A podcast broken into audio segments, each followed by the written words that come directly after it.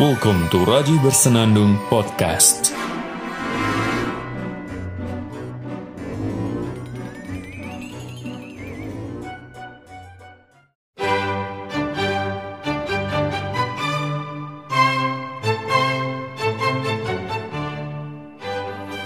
Halo semuanya, kembali lagi bersama saya Raji Araki di podcast Raji Bersenandung.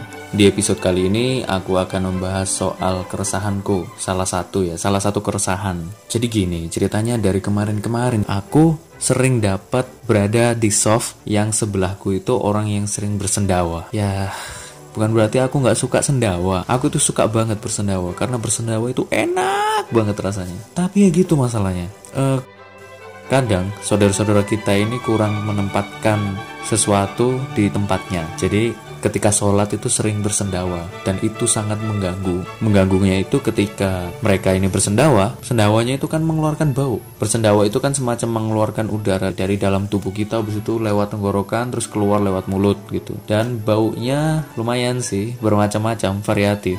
Tapi mayoritas ketika orang bersendawa baunya itu nggak karu-karuan. Masalahnya aku mendapatkan itu terus setiap kali sholat, sholat terawih, sholat terawih. Jadi cukup mengganggu ya ketika sedang khusyuk-khusyuknya tiba-tiba ada orang yang bersendawa. Sendawanya juga berkali-kali. Yang mengganggu itu adalah dia bersendawa berkali-kali. Jadi setiap nafas itu dipakai untuk bersendawa. Yang herannya itu kenapa dia nggak menyadari bahwasanya sebelah sebelahnya itu juga orang yang bernafas ketika dia bersendawa kan bukankah sendawanya itu akan mengotori udara bukan mengotori ya tapi membuat udara yang tadinya itu segar menjadi berbau sendawanya dia lah ketika berbau sendawa ini bukankah itu akan mengganggu orang-orang sekitarnya yang sedang khusyuk?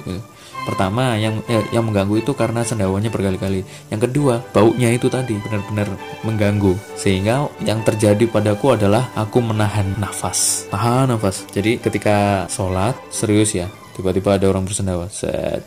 Dan orang yang bersendawa ini kan sebelahku ya. Waduh.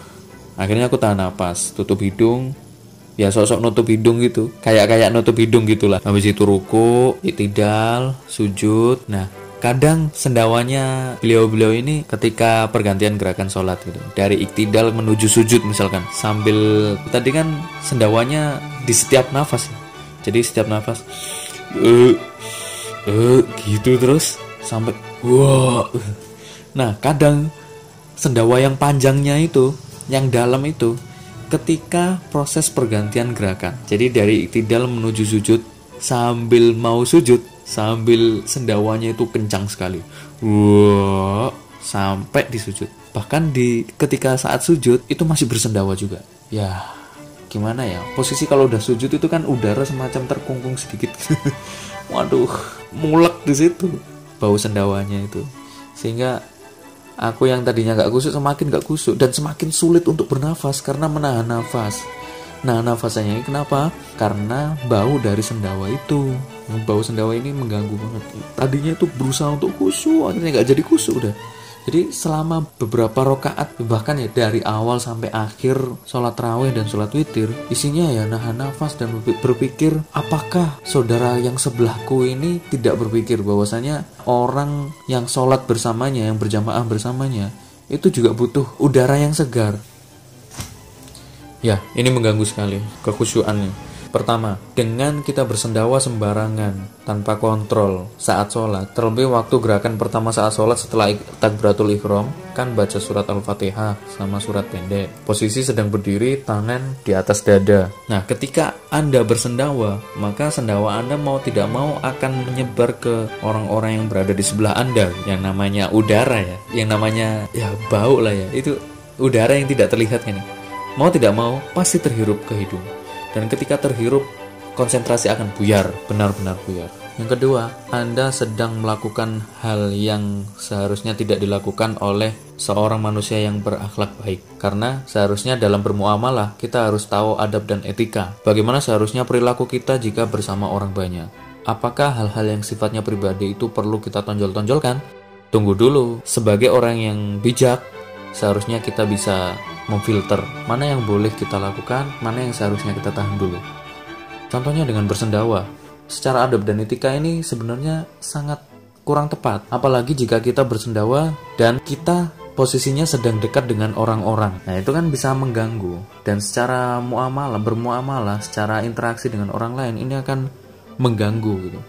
Orang lain bisa jadi akan membenci Anda dan Anda bisa jadi mendapatkan hal yang kurang Anda harapkan. Misalkan karena orang-orang membenci Anda, Anda akhirnya mendapatkan dosa. Karena Anda kurang menjaga adab, akhirnya orang-orang yang lain terganggu. Terlebih dalam hal beribadah, ketika Anda mengganggu ibadah saudara sesama Anda, maka itu akan berimbas pada Anda sendiri gitu. Yang terganggu ibadahnya secara esensi beribadahnya juga berkurang, Anda pun juga punya peran yang sangat besar untuk mengurangi esensi ibadah mereka. Dan esensi ibadah Anda pun juga sangat berkurang. Kenapa?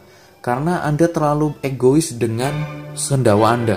Karena Anda terlalu egois untuk mengeluarkan sendawa yang ada di dalam tubuh Anda. Bukan berarti itu dilarang, tidak. Tapi paling tidak kita harus tahu tempat.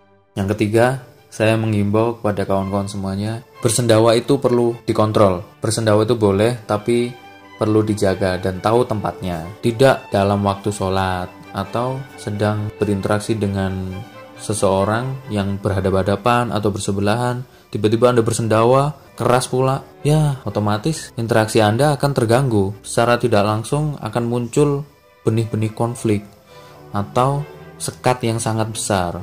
Orang sebelah Anda, orang depan Anda itu akan marah besar dan kemarahan dia akan terpendam dan itu akan merusak yang namanya hubungan antar manusia.